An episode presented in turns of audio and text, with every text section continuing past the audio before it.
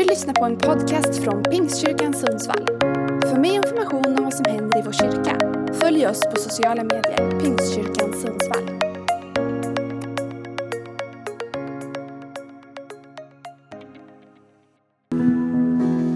Hej!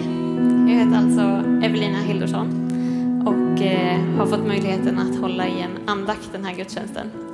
Det är så himla kul att vara här. Det var så länge sedan jag var i kyrkan. Och det är fantastiskt att få bara lovsjunga tillsammans idag. Ehm, och det krävs lite tro, att tro att ni i församlingen står med där bakom skärmarna. För det är verkligen tomt här. Man kan inte se att vi firar gudstjänst på det sättet vi brukar. Men jag är glad att vi får göra det. Ehm, och jag vill bara börja med att be inför det jag ska dela nu. Ja, tack Gud för att vi får vara tillsammans även om vi inte är i samma rum. Och tack för att du är mitt ibland oss när vi samlas kring ditt namn. Tack för den du är Gud. Och jag ber för det här som jag ska dela. Jag ber att jag får lägga det i dina händer och att det ska få bli till uppmuntran för församlingen. Amen. En person som brukar inspirera mig när det kommer till att ställa goda frågor och eh, starta samtal, det är min svåger. En av hans återkommande frågor är Vad tänker du på nu för tiden, Evelina?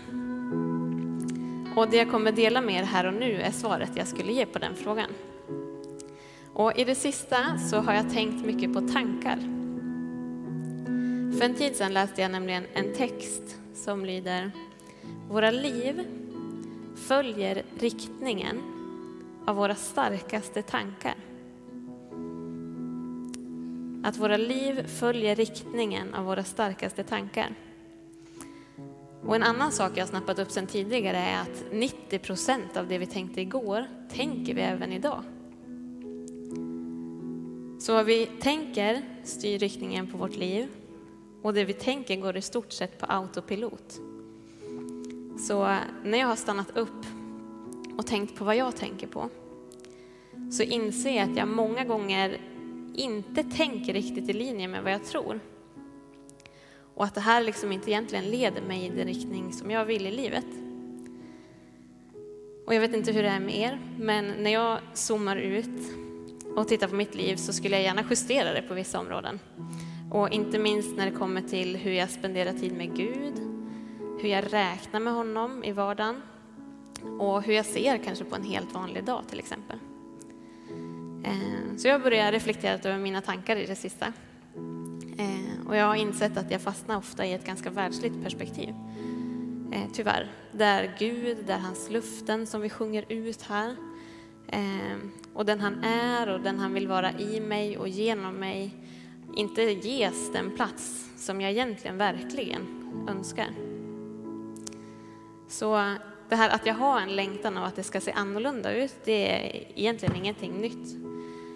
Ehm, det har jag längtat efter länge. Och titt som tätt genom åren så kan jag liksom känna en sorts besvikelse och frustration över att det inte händer någonting. Att livet liksom inte förändras eller att jag inte, att min relation till Gud kanske står ganska still eller olika sådana saker. Men så läste jag då den här textraden. Våra liv följer riktningen av våra starkaste tankar.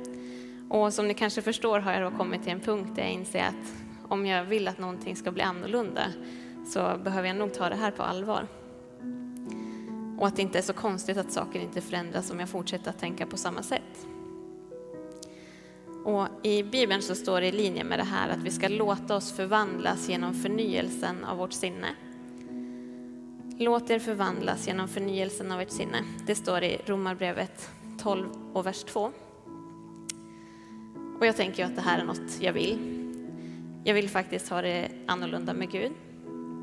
Och jag vill inte låta livet fortsätta tugga på i en riktning som jag faktiskt inte är helt tillfreds med. Ehm, för jag kan också ärligt säga att jag har hört den här bibelversen förut och jag har tidigare bett Gud att förvandla mig.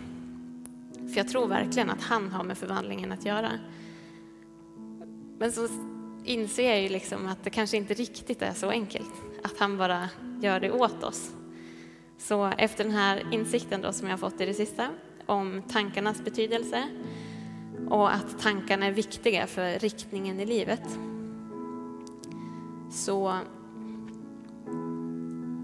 tappade jag mig.